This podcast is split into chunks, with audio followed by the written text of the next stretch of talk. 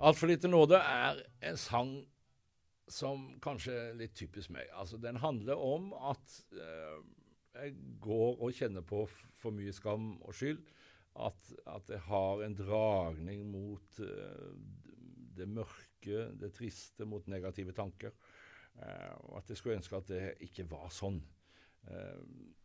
Eh, jeg bebreider eh, bitte litt det miljøet som jeg kom ifra, altså det, det lavkirkelige bedehusmiljøet som, som, eh, som, der man understreker, riktignok i, i kjærlighet og med god hensikt, at, men man, det understrekes liksom vår tilkortkommenhet og vår elendighet.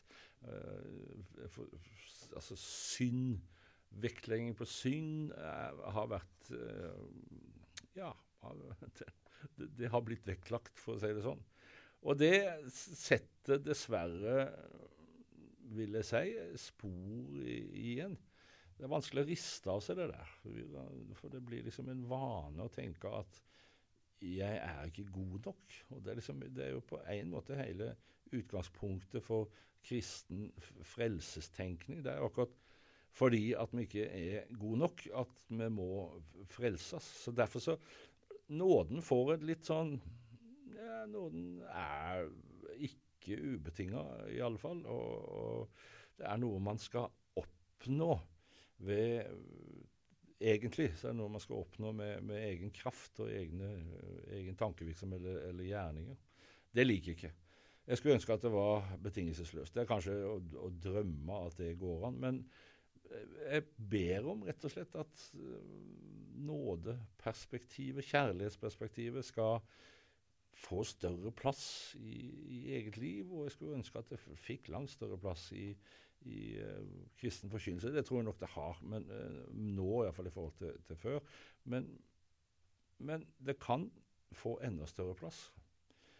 Og så heier jeg da på velbehag her. Altså Det er et ord som jeg har blitt veldig glad i med. Jeg har så lyst til å kjenne på velbehag.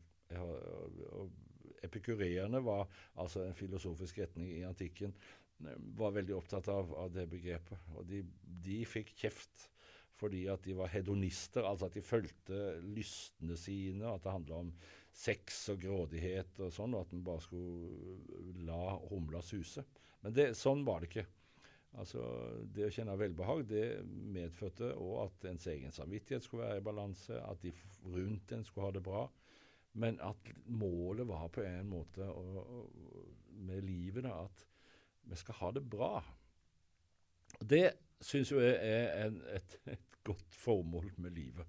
Å ha det bra. Og sørge for at så godt en kan, at alle rundt en nå har det bra.